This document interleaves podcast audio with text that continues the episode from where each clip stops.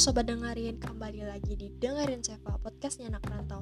Nah, di episode ketiga ini aku gak sendirian loh, aku ditemani sama Kak Irma dan juga Leo. Sobat dengerin, istilah vegetarian maupun veganisme menjadi populer di tahun-tahun belakangan ini disebabkan oleh meningkatnya kesadaran dan juga budaya masyarakat terhadap lingkungan, kesehatan, dan juga hak hewan. Jadi, Kak Irma dan juga Leo ini merupakan seorang vegetarian dan vegan.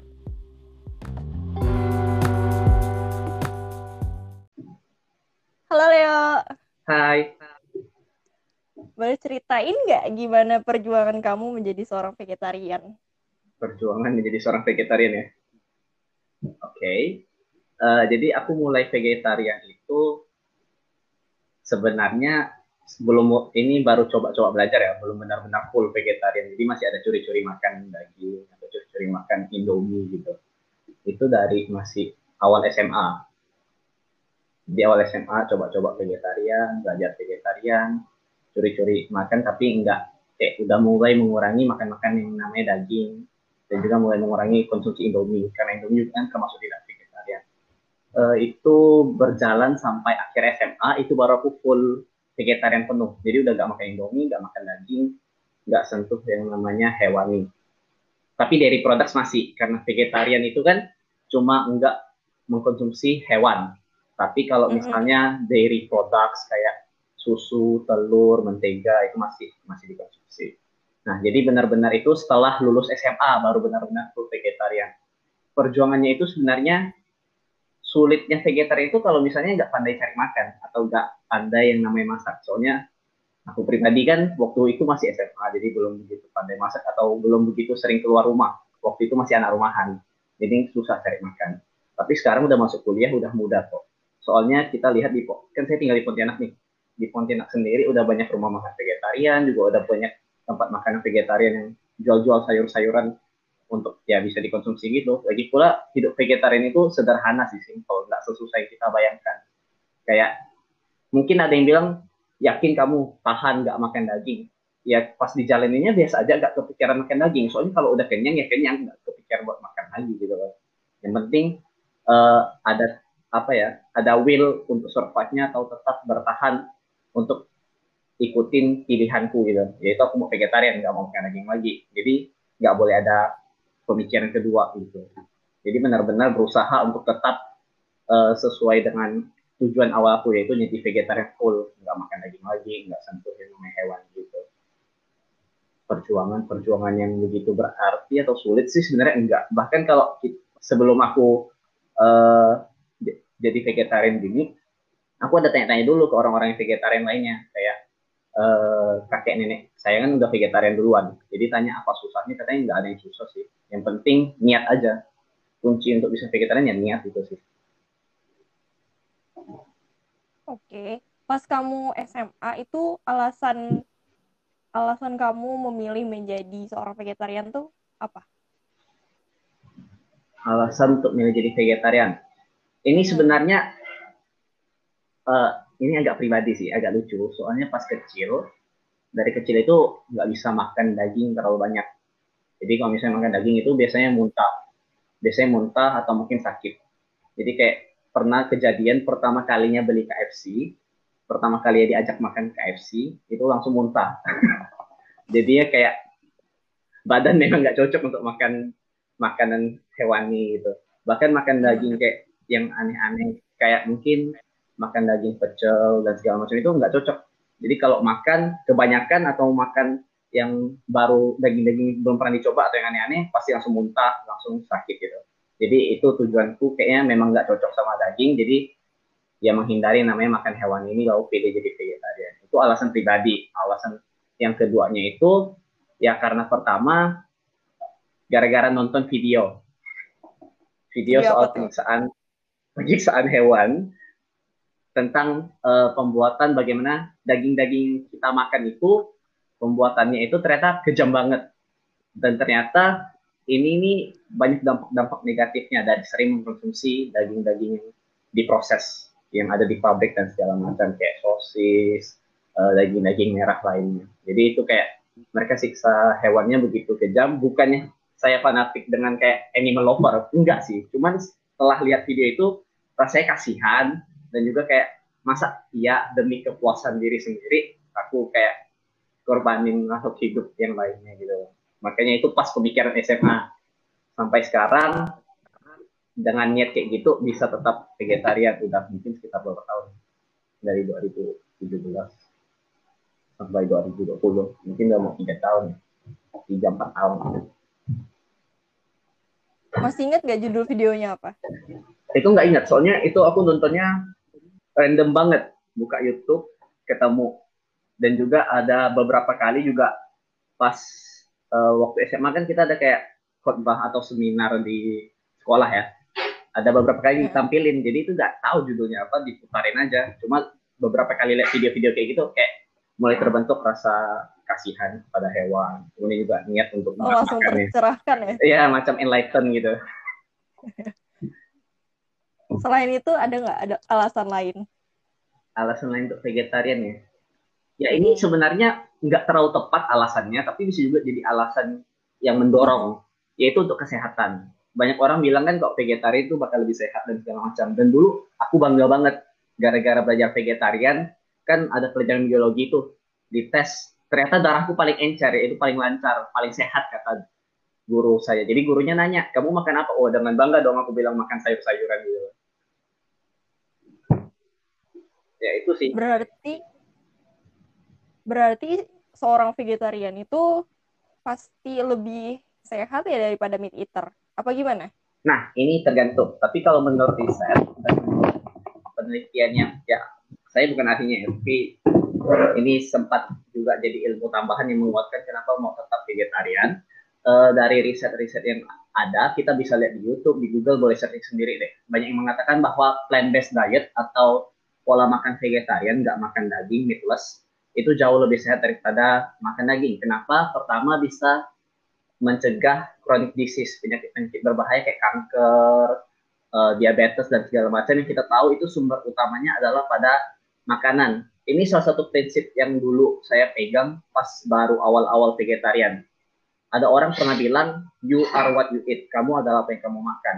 Nah, jadi kalau misalnya makanan kita uh, kurang sehat atau makanan ini sangat akan sangat berpengaruh pada kehidupan Anda. Jadi ada riset yang mengatakan kayak kalau makan makanan vegetarian atau plant-based diet ini bisa memperpanjang hidup dengan mengurangi kemungkinan untuk dapat chronic disease yang tadi sudah disebutkan.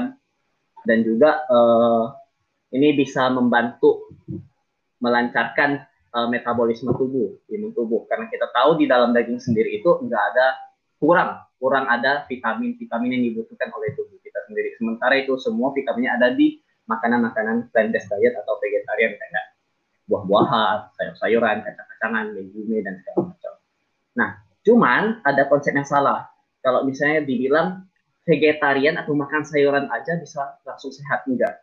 Kalau misalnya kita makan sayuran tapi amburadul makannya atau makannya sembarangan cuma makan kentang doang atau cuma makan makanan junk food kayak uh, permen itu vegetarian, coklat itu vegetarian, susu milk tea dan boba segala macam juga vegetarian. Kalau kita cuma makan itu mah kita pastinya nggak bakal sehat dong. Tentunya hmm. untuk bisa sehat kita perlu yang namanya ada perencanaan makannya. Nah mungkin ini kedengarannya ribet tapi sebenarnya kalau kita lakukan dengan benar ya pasti bisa ada rasa hasilnya akan terasa kayak misalnya tubuh lebih ringan lah, berat badan juga bisa berkurang kalau misalnya kita benar-benar lakukan plant-based diet yang benar. Ini boleh nanti coba kalau saran-saran dari yang udah pro yang bahkan vegan itu boleh konsultasi ke, dokter atau mungkin boleh juga coba cek kalori intake Anda berapa, uh, jenis-jenis makanan apa aja yang perlu, atau vitamin nutrisi apa aja yang kalian perlukan. Karena vegetarian sendiri sebenarnya ada beberapa kekurangan, yaitu kurang konsumsi protein. Nah, tapi protein protein dari hewan. Tapi protein dari hewan ini bisa digantikan seperti untung tinggal di Indonesia, jadi murah. Tempe, tahu, dan makanan-makanan kacang-kacangan lainnya itu banyak protein yang bisa menggantikan protein daripada yang ada di uh, daging. Makanya untung sekali tinggalnya di Indonesia bisa dapat makan makanannya lebih mudah. Itu sih Seva kalau dari segi kesehatan ya saya bukan ahli mau bisa jelaskan yang awam lah. Tapi itu cukup menarik loh. Oh ya? Simpul uh, penjelasan kamu. Oke, dari sis dari keluarga mendukung nggak? Oh, dari keluarga sebenarnya kan tadi ada dibilang ya, kakek nenek saya itu vegetarian. Oh iya. Uh. Tapi dibilang kamu jangan vegetarian ya Leo. Tunggu udah gede. Jadi awalnya juga di nggak nggak diizinkan juga, cuman karena memang udah keputusan sendiri, ya udah. Jadi nentuin kalau mau vegetarian dari SMA. Soalnya kalau bukan sekarang kapan lagi ya? Soalnya kalau hmm. ditunda-tunda terus ujung-ujungnya nggak jadi. Iya, Takutnya gitu loh. Lalu kalau dari sisi keluarga inti kayak mama sih oke-oke aja. Soalnya dari kecil juga udah dikasih pilihan dia mau ngapain terserah yang penting jelas. Kalau papa, ah, papa sampai sekarang uh, masih agak menentang tapi somehow juga mendukung. Jadi awal-awalnya sih nggak nggak begitu senang karena dianggapnya yang makan vegetarian itu kurus, nggak ada nutrisi, nggak punya tenaga. Tapi itu semua halnya uh, salah. Soalnya aku juga bisa olahraga, aku bisa main bisa main hal-hal yang ekstrim, bahkan aku bisa ngangkat orang yang lebih berat daripada aku. Oh. Meskipun aku seorang vegetarian. Jadi istilah vegetarian gak ada tenaga itu salah. Justru malah orang-orang yang bervegetarian itu rata-rata lebih kuat karena dari yang aku baca energi yang kita serap dari tanaman itu lebih besar daripada kalau kita makan makan hewan. Soalnya hewan itu kan konsumen uh, konsumen tingkat satu ataupun dua Sementara tanaman itu produsen. Jadi dengan kita mengkonsumsi produsen, energi yang energi intake-nya lebih besar daripada energi intake dari konsumen dua atau hewan. Karena hewan tuh udah mengolah energi yang dihasilkan dari produsen. Jadi kalau kita langsung makan dari sumbernya akan lebih bermanfaat dan akan lebih sehat. Oke, keren juga ya jadi seorang vegetarian. Kalau teman-teman, kalau teman-teman teman-teman kamu sendiri pada setuju nggak sih kamu kamu menjadi seorang vegetarian mereka nerima nggak? Oh teman-teman sih nerima aja ya kebetulan bersyukur saya tinggalnya di lingkungan yang cukup positif uh, atau lingkungan yang cukup suportif gitu. Jadi misalnya saya jadi vegetarian teman-teman malah oke okay aja. Bahkan di waktu SMA saya jual-jual makanan vegetarian kayak misalnya uh, bikin makanan versi vegetarian kayak makaroni panggang vegetarian, uh, nasi kuning vegetarian, pizza vegetarian dan ternyata teman-teman juga cukup uh, lumayan suka jadi semuanya pada pesan dan juga kayak tiba-tiba famous gitu loh gara-gara vegetarian seorang di sekolah gitu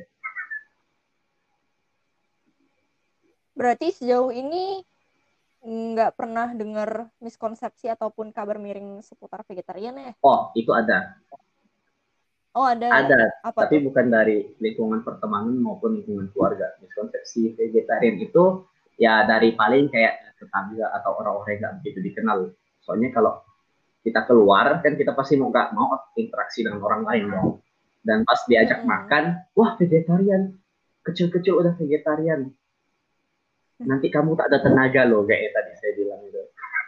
Ya pemikirannya itu pasti dengan vegetarian kamu nggak punya tenaga atau kamu bakal jadi orang yang kurus-kurus karena cuma makannya sayur hijau kayak kambing nanti jadinya. Ya enggak juga makanan vegetarian itu udah berkembang, food tech udah berkembang jauh. Kita nggak cuma makan sayur-sayuran hijau. Bahkan tadi kayak yang aku bilang, aku jualan pizza vegetarian, makanan vegetarian itu adalah salah satu bukti dari food teknologi yang udah berkembang. Vegetarian itu nggak sebatas cuma sayuran kayak bayam atau kayak gitu, tapi bisa juga di diolah menjadi makanan-makanan ya kayak makan-makanan meat alternatif lah istilahnya atau makan makanan yang bisa menggantikan daging. Itu dia kalau ada orang-orang kalau ada orang orang-orang yang menganggap sinis seorang vegetarian, kamu nyikapin kayak gimana dong? Uh, sebenarnya ini karena masalah perbedaan pandangan uh, tidak terlalu push juga. Soalnya kalau kita nge-push, mereka balik nge-push, ujung-ujungnya klien kan daripada kita cari iya. masalah. Yeah. Jadi kita selesaikan dengan cara edukasi. Ini cara paling mudah karena biasanya gampar orang pakai fakta itu lebih bagus daripada kamu adu mulut. Iya benar benar. Jadi kamu buktiin aja kalau vegetarian itu sehat dengan apa, dengan bukti-bukti atau data-data riset yang ada. Tapi kalau misalnya ketemu orang langsung kan kita belum punya preparation dong. Jadi kita cuma bisa bilang aja ya udah setidaknya aku pilih vegetarian sekarang badanku sehat-sehat dan tidak ada masalah. Jadi nggak usah cari masalah. Tapi kalau misalnya mereka mau minta bukti ya tinggal lemparin aja bukti banyak kok riset ada di mana-mana. Bahkan di YouTube juga ada banyak tutorial how to be a vegetarian how to be a vegan. Dan ternyata vegetarian itu memang sehat juga selama kamu menjadi seorang vegetarian apa aja manfaat yang kamu rasakan? Soalnya aku sering banget nih denger denger kalau vegetarian itu selalu dikaitkan dengan mindfulness. Apakah sebenarnya seorang vegetarian menjadi vegetarian itu benar-benar memberikan ketenangan jiwa pikiran dan hati. Oh. kamu ngerasain gitu nggak? Untuk konsep spiritual ya? Hmm. Kalau pengalaman sendiri sih nggak begitu terasa soalnya prosesnya pelan ya. Soalnya kan SMA belajar makan vegetarian pelan-pelan. Bukan full vegetarian nggak langsung 180 derajat berputar. Jadinya nggak begitu terasa di mindful. Cuman kata orang memang lebih kalem sih kata teman-teman dibandingkan pas dulu teman permainan dari kecil itu lebih kalem dari sekarang. Bahkan mereka bilang udah nggak pernah lihat Theo marah lagi. Padahal kalau aku marah biasanya diam-diam kalau pas ya. Nah kalau misalnya yang aku baca dan aku cari searching dan juga dengar dari seminar-seminar yang ada mengenai vegetarian yang memang benar kalau vegetarian itu bisa membuat orang lebih di mindful.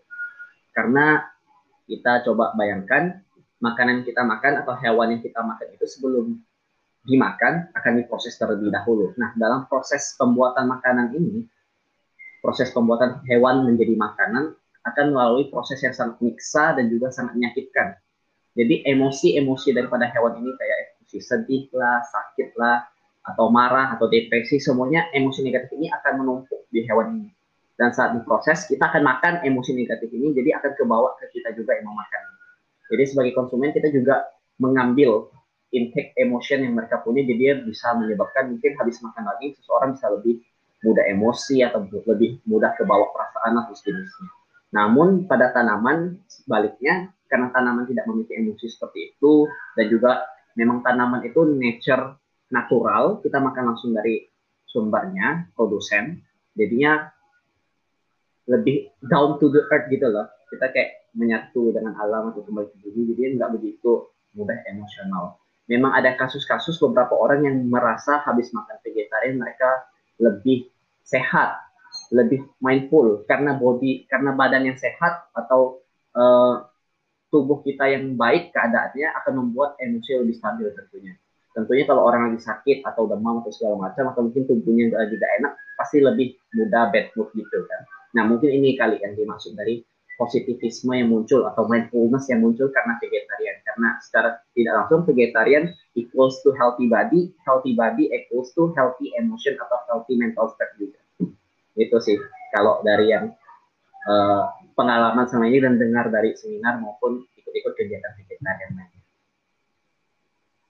Kalau dari sisi negatifnya, apa yang kamu rasain selama menjadi vegetarian? Sisi negatifnya ya, mm -mm. Uh, mungkin karena pola makan vegetarian ini baru-baru ini muncul. Jadi kalau misalnya ke daerah-daerah yang agak terpencil itu agak sulit cari makanan vegetarian. Itu menjadi vegetarian karena memang benar kalau kamu lagi trip atau di keluar keluar dari daerah kamu, bukan di zona nyaman kamu, cari makanan vegetarian itu agak sulit. Nah, tapi ini bukan jadi masalah karena ini bisa diatasi dengan cara apa? Prepare. Kan aku beberapa saya beberapa kali pergi lomba atau mungkin pergi ke luar dari Pontianak. Itu kan kalau cari makan di luar kan agak sulit karena pertama kita nggak punya kendaraan, kedua kita nggak tahu lokasi itu ada apa tempat jual makan vegetarian di mana atau mungkin ada makanan yang bisa dimakan nggak di situ. Ya udah opsinya adalah cari makanan-makanan uh, sediakan makanan-makanan yang bisa kamu makan contohnya mungkin bisa bawa oatmeal dan segala macam yang uh, udah bisa disiapkan dari rumah atau toko dan tahan lama jadinya masalah cari makan di luar itu terselesaikan. Itu itu sih yang kurang dari vegetarian untuk sekarang. Tapi kalau melihat dari tren yang terjadi di mana kayak di mana-mana udah mulai banyak yang mulai mempromosikan vegetarian dan juga di berbagai lokasi bahkan di USA dan daerah-daerah lainnya di tokonya toko-toko malah udah menyediakan uh, satu tempat khusus untuk makan makanan vegetarian. Nah di Indonesia belum pernah sih saya ketemu itu selain di rumah makan vegetarian, tapi depannya akan ada seperti ini. Jadi biar tren vegetarian lebih mudah atau healthy uh, untuk mencapai kesehatan tuh lebih mudah dicapai. Berarti menjadi seorang vegetarian itu susah-susah gampang ya?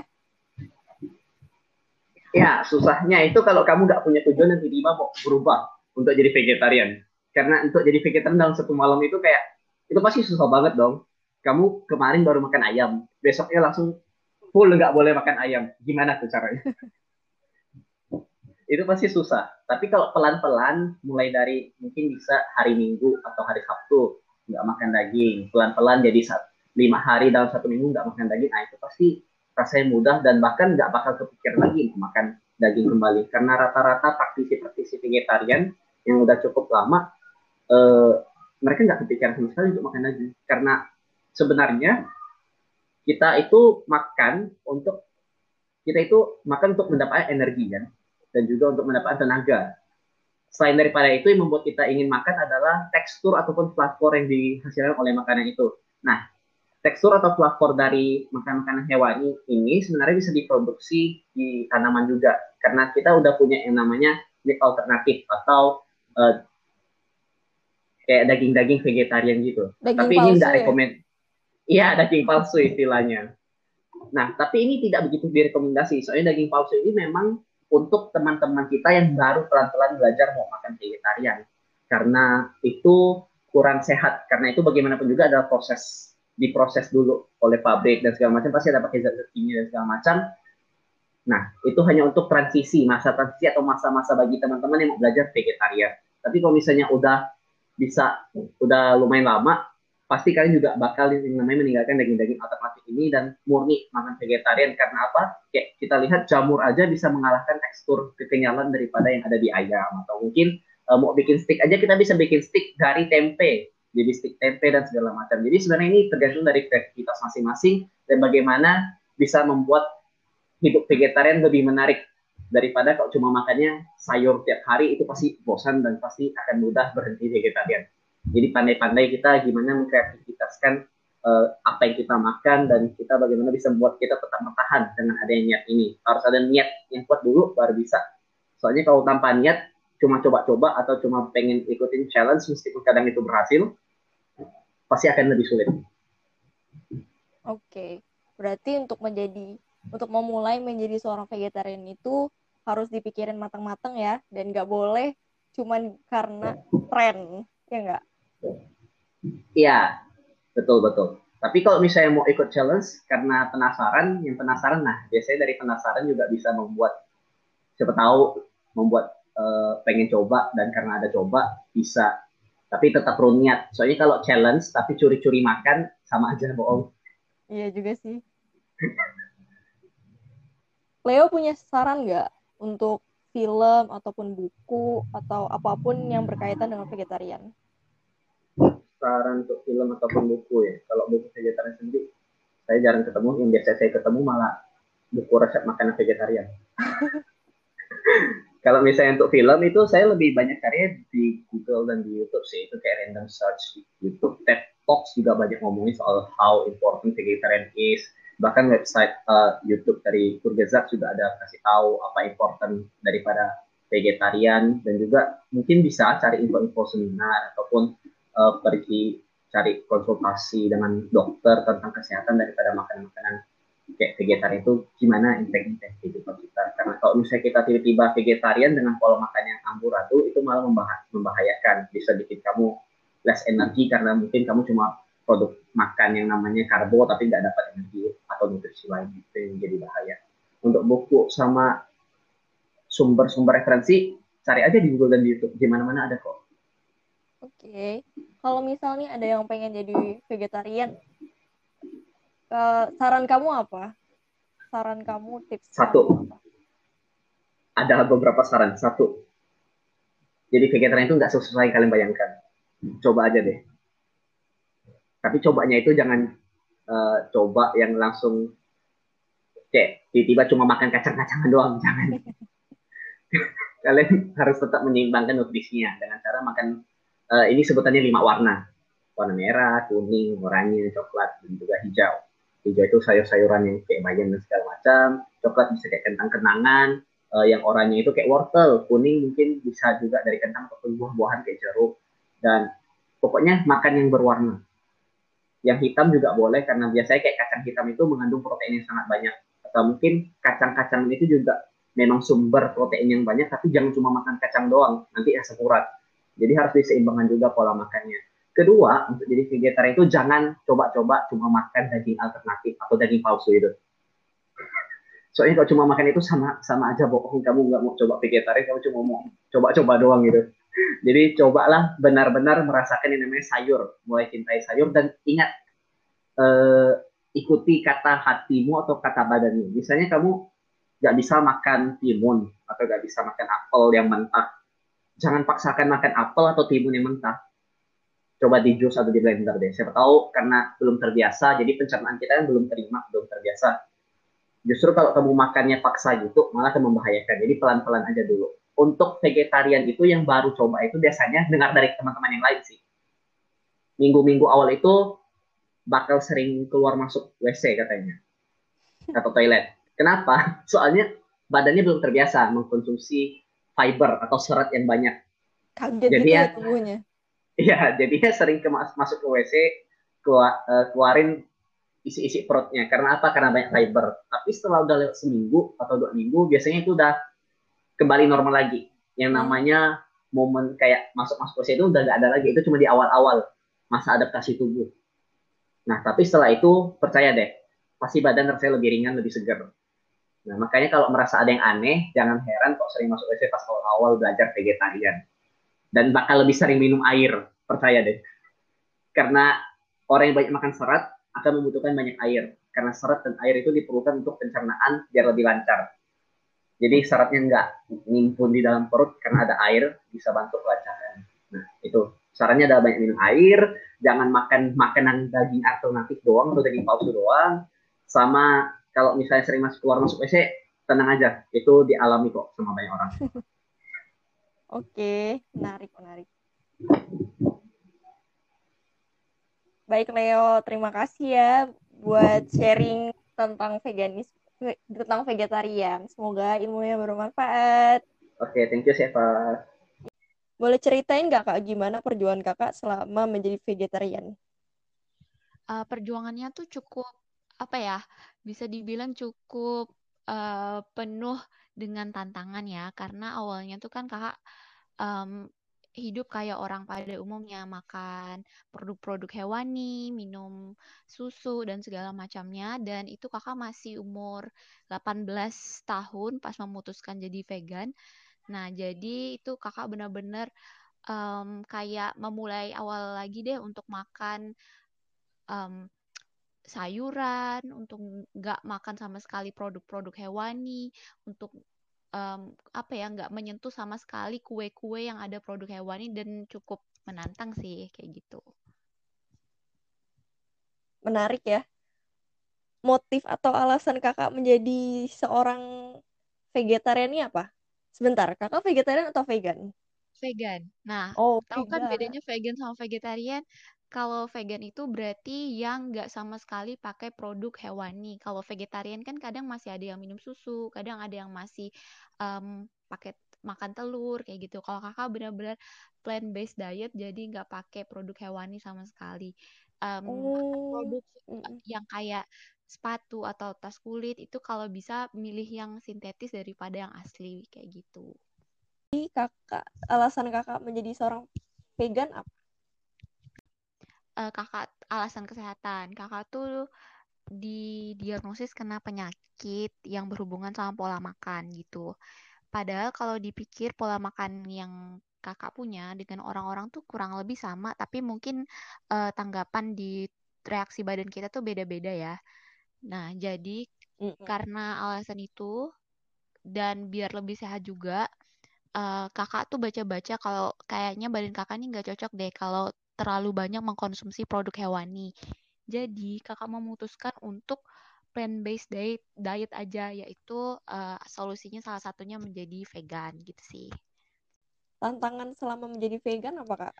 Tantangannya karena pola makan kakak tuh kayak orang pada umumnya yang mana makan telur tuh kayak bi biasa, makan ayam misalnya biasa kayak gitu kan. Terus kalau anak muda kan suka banget makan yang kayak kue-kue, uh, cemilan, milkshake misalnya kayak gitu. Nah, itu juga udah jadi pola hidup kakak selama bertahun-tahun. Merubah pola makan dan pola hidup itu sih yang susah. Jadi kakak benar-benar harus uh, nyobain resep lagi yang nggak ada produk hewaninya sama sekali. Milih kue-kue juga benar-benar harus dibaca banget. Uh, kayak misalnya es krim itu kan juga nggak bisa kan karena hewan jadi iya. itu juga nggak nggak dikonsumsi lagi kayak gitu.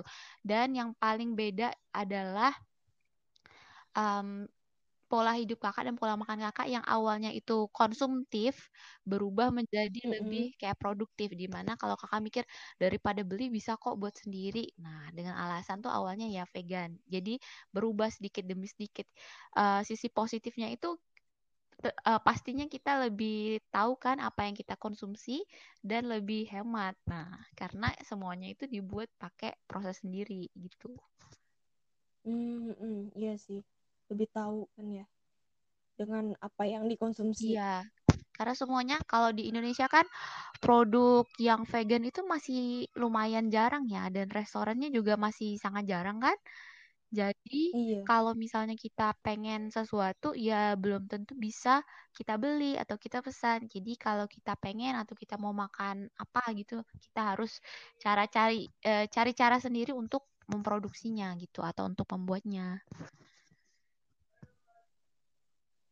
Pas kakak bertransformasi menjadi seorang vegan itu susah nggak kak? Iya uh, cukup susah sih dan cukup menantang.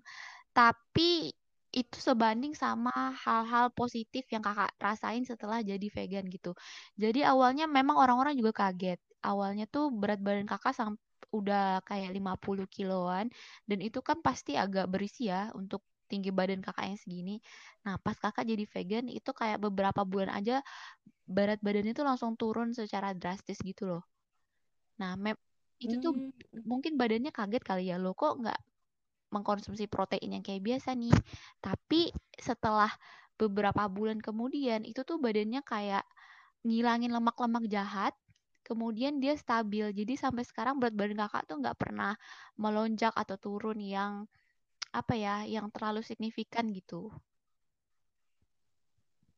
Badan terasa ringan gitu iya, ya, ya?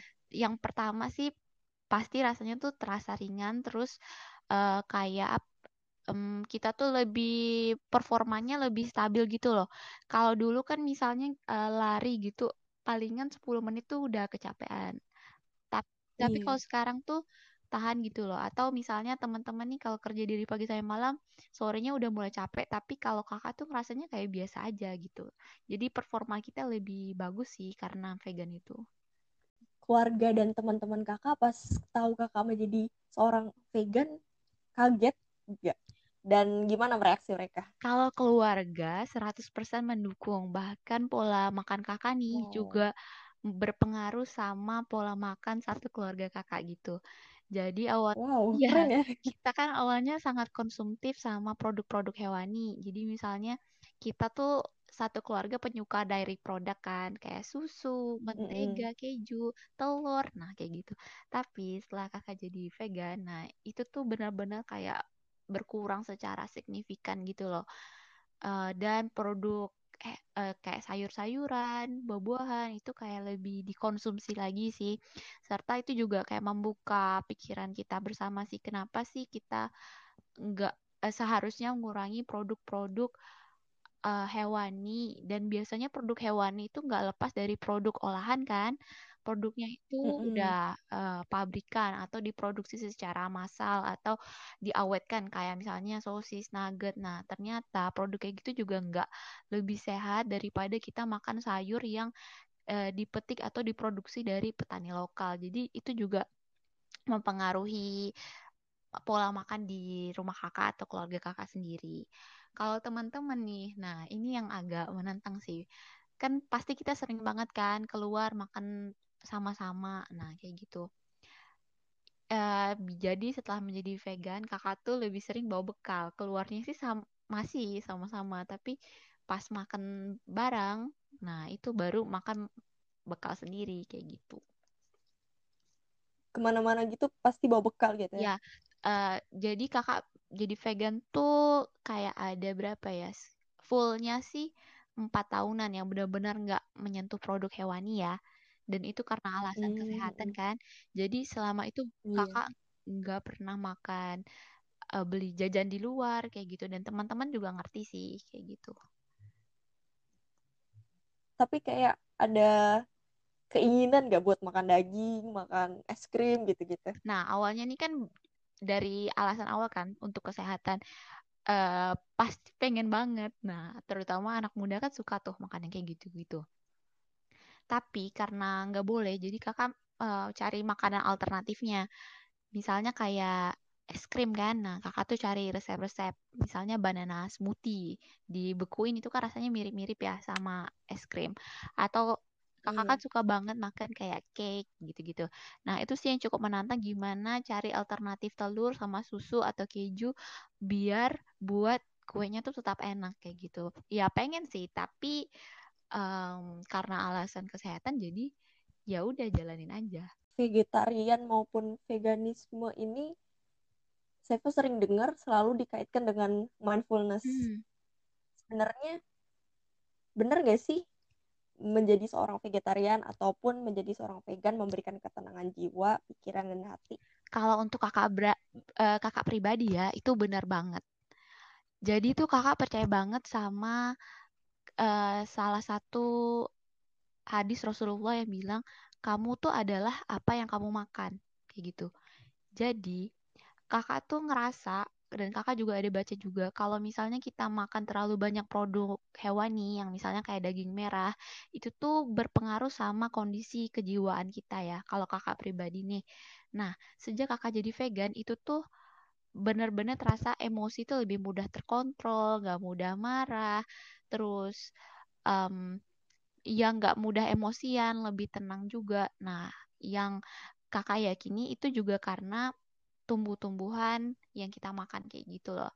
Kan kalau kita ngerasain antara tumbuhan sama hewan itu beda banget kan gimana iya. dampaknya sama alam kayak gitu. Kalau tumbuhan tuh kan nggak pernah kayak uh, menyebabkan masalah yang kayak gimana gitu loh. Tapi kalau misalnya hewan tuh mm -hmm. misalnya dalam uh, peternakan dalam jumlah yang besar gitu loh, polusinya kan juga besar, gas metan yang besar, produk sampingnya tuh banyak. Nah, kayak gitu.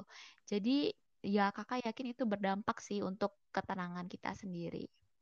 Tadi kan udah bahas dari segi positifnya ya kak, mm -hmm. dari segi kesehatan sama mindfulnessnya.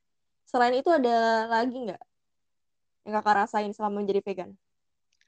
Selain ketenangan, lebih sehat, yang pasti sih yang tadi kayak kakak bilang itu lebih hemat karena kita berkurang ya konsumtifnya karena kita pastiin uh, semua yang kita pakai dan semua yang kita makan tuh kita tahu bahan-bahannya apa dan biasanya kita uh, olah sendiri.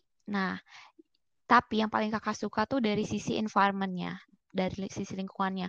Biasa kalau vegan kan otomatis nggak beli banyak produk hewani nih atau produk yang dijual di pasaran. Kita lebih banyak produksi sendiri, kita bakal lebih apa ya, lebih termotivasi untuk nanam kayak gitu. Jadi itu bakal lebih bagus kan untuk uh, area di sekitar kita kayak gitu. Selain itu, kita juga bakal lebih banyak purchase barang-barang yang organik juga, barang-barang yang plant based juga yang mana sampahnya itu bakal lebih mudah uh, dikompos sama environment gitu. Jadi lebih bagus juga sih untuk untuk lingkungan kita. Nah, selain itu kalau misalnya nih kita bayangin ya, uh, selama ini ada 100 orang yang memilih untuk uh, pola makannya biasa atau yang nggak banyak makan produk-produk um, tanaman.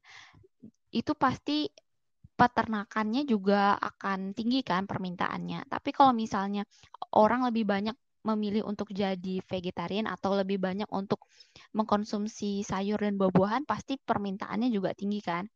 Nah, itu bakal hmm. lebih bagus sih untuk lingkungan kita karena makin banyak orang yang nanam, makin banyak orang yang gardening kayak gitu.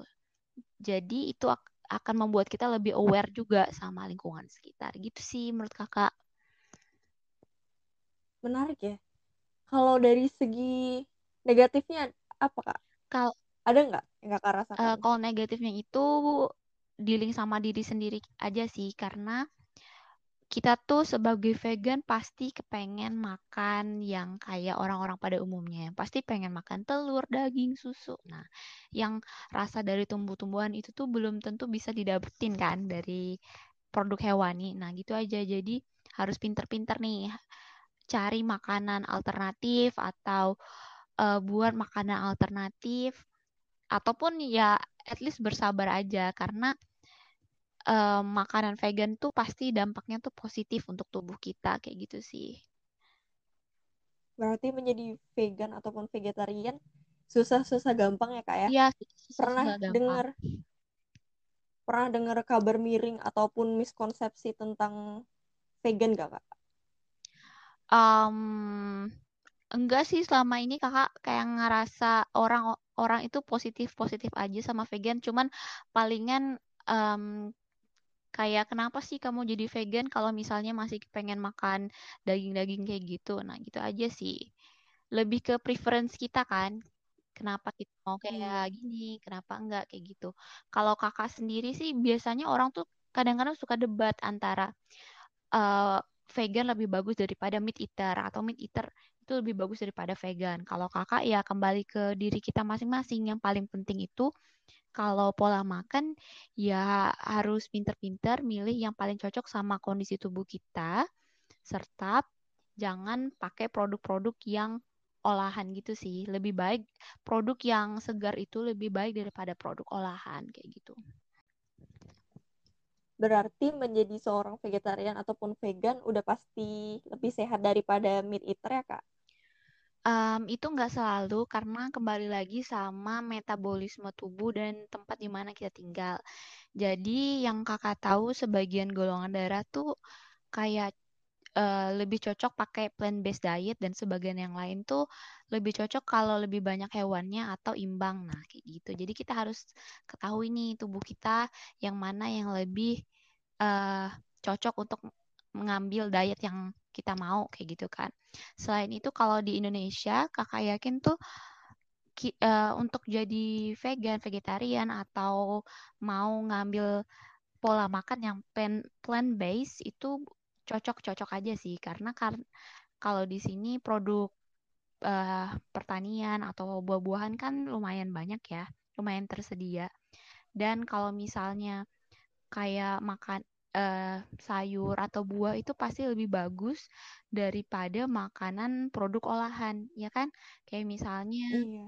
sosis ataupun nugget atau banyak uh, produk hewani yang mengandung um, apa ya kayak pengawet. Nah, pasti lebih baik kalau kita makannya kayak buah-buahan segar atau sayur yang baru dipanen itu pasti bakal lebih sehat sih untuk kita kayak gitu berarti di Indonesia punya persediaan yang cukup lah ya buat ini buat para vegetarian dan vegan kayak gado-gado, ketoprak, tumis kangkung, perkedel jagung. Iya, bahkan menurut kakak Indonesia kalau kita mau jadi vegetarian atau vegan di Indonesia tuh wilayahnya tuh sangat mendukung karena kita banyak banget kan sayur-sayuran segar, buah-buahan, iya. kayak gitu. Dan uh, pola makan sebagai vegan tuh sebenarnya sangat simpel. Kayak misalnya kita makan pisang atau ubi rebus itu tuh udah cukup untuk nutrisi tubuh kita ataupun kacang rebus. Tantangannya cuman kayak dirasa aja sih kalau jadi vegan atau vegetarian itu. Ada beberapa zat penting yang ada di dalam daging ataupun makanan-makanan non vegetarian yang nggak didapat oleh mm -mm para vegan dan juga vegetarian. Nah, itu gimana kakak ngakalinnya? Sebenarnya kalau kita makan plant-based diet itu udah memenuhi kebutuhan tubuh kita kayak protein. Uh, protein di kacang-kacangan itu kan jumlahnya cukup tinggi ya. Dan protein yang ada di tumbuhan itu pasti protein nabati yang bagus untuk tubuh dan kolesterolnya pun kolesterol baik, misalnya kayak di santan kelapa. Itu tuh malahan bisa menurunkan kolesterol yang ada di dalam tubuh kita, kayak kolesterol jahat yang kita dapat dari daging merah ataupun uh, ayam ataupun mentega. Nah, kayak gitu. Jadi sebenarnya ngakalinnya itu dengan lebih banyak mengkonsumsi produknya aja. Kalau misalnya nggak jadi vegan mungkin kita makan kacangnya cuman kayak 2-3 batang. Kalau jadi vegan mungkin kita bisa makan kayak satu piring sayur kayak gitu. Itu dan itu udah cukup banget dan sebenarnya kalau jadi vegan itu kenyangnya lebih lama daripada pola makan kita yang kayak biasa nih. Misalnya kita sarapan nasi kuning dengan ayam gitu lah ya. Nah, dibanding vegan tuh mungkin makannya kayak nasi sama sayur jumlah porsi segitu kalorinya pasti lebih rendah yang vegan diet dan kenyangnya itu lebih lama daripada yang pola makan yang biasa kayak gitu. Selain itu kakak juga yakin kalau misalnya pola makan vegan tuh seratnya tuh lebih banyak. Jadi itu lebih sehat aja sih untuk diri kita kayak gitu.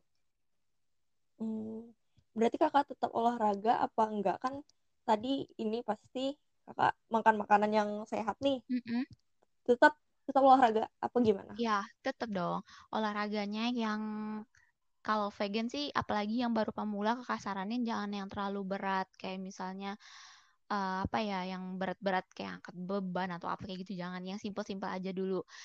Um, kita ketahui deh tubuh kita tuh cocoknya apa. Kalau kakak pribadi sih kakak suka yoga kayak gitu. Ataupun kalau misalnya kita suka jalan santai kayak gitu juga bisa cukup membantu sih karena kalau gini ya, kalau olahraga kan kita mau membakar kalori itu. Terutama kalau pola makan kayak biasa kan pasti kalori yang kita ambil cukup besar. Tapi kalau vegan kalori yang kita makan tuh nggak sebesar yang biasanya. Jadi kita olahraganya juga nggak perlu yang terlalu berat untuk mengurangi uh, lemak-lemak jahat di dalam tubuh kita kayak gitu. Gaya hidup seorang vegan ataupun vegetarian itu mahal nggak sih kak sebenarnya? Kalau di Indonesia enggak sih, malahan lebih murah ya kalau menurut kakak. Karena kalau misalnya nih kita meat eater nih, kita makan keluar bisa habis minimal kayak tiga puluh ribu gitu kan. Tapi kalau vegan, mm -mm. misalnya kita makan beli aja ya dua-duanya palingan lima belas ribu kan nasi sama sayur sama tempe misalnya kayak gitu kalau buat belanja sehari-hari juga lebih hemat kalau vegan itu kalau di Indonesia. Ini ada yang pengen jadi vegetarian ataupun vegan, harus mulai dari mana? Kalau untuk kakak pribadi mau jadi vegan atau vegetarian, mendingan uh, kita tentuin kita tuh cocoknya yang mana sih. Kalau misalnya kita masih perlu ambil dari produk kayak susu keju ataupun telur, kita bisa jadi vegetarian dulu. Jadi sebelum jadi vegan kita jadi vegetarian dulu dan menghindari produk-produk yang kayak olahan gitu loh.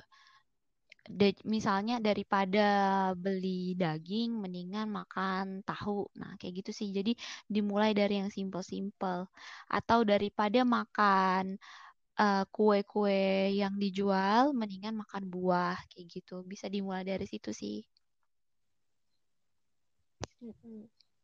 Ya sih kalau langsung berat kan takutnya malah terbebani ya, ya kak ya. Dan uh, waktu kakak baru jadi vegan itu kan kakak drastis banget kan perubahannya. Itu tuh uh, berat badannya langsung drastis turun juga dan kakak ngerasa agak lemas sih karena nggak makan produk hewani kan. Mm-mm. rasanya tuh cukup lemas tapi kalau udah sebulan dua bulan itu kayak tubuhnya udah menyesuaikan jadi biasa aja sama kayak kita baru puasa nih kan biasanya kalau puasa awal-awal kita agak lemes kan. Tapi kalau udah biasa tuh kita bisa beraktivitas kayak normal lagi. Sama kayak sama juga kayak vegan. Jadi pelan-pelan aja. Baru kalau misalnya kita udah ngerti manfaatnya apa posisi positifnya apa dan kita rasa badan kita nih sanggup untuk jadi vegetarian atau vegan bisa mulai dengan plant based diet kayak gitu.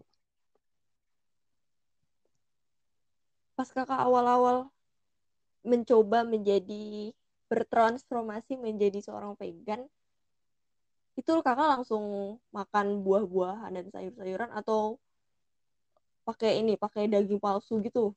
Oh kan ada tuh iya. istilah daging palsu. Daging palsu iya. Kakak sih langsung aja sih buah sama sayur kecuali kakak udah kayak pengen banget makan apa ya yang kayak daging gitu. Nah baru kakak cari resep gimana sih cara buat daging palsu? Tapi selama kakak jadi vegan palingan rasa yang kepengen banget itu cuman kayak datang satu dua kali aja sih. Kayak gitu. Kalau misalnya kayak pengen minum susu kan bisa diganti sama susu kedelai itu. Rasanya juga nggak kalah kan dengan susu sapi. Nah kayak gitu.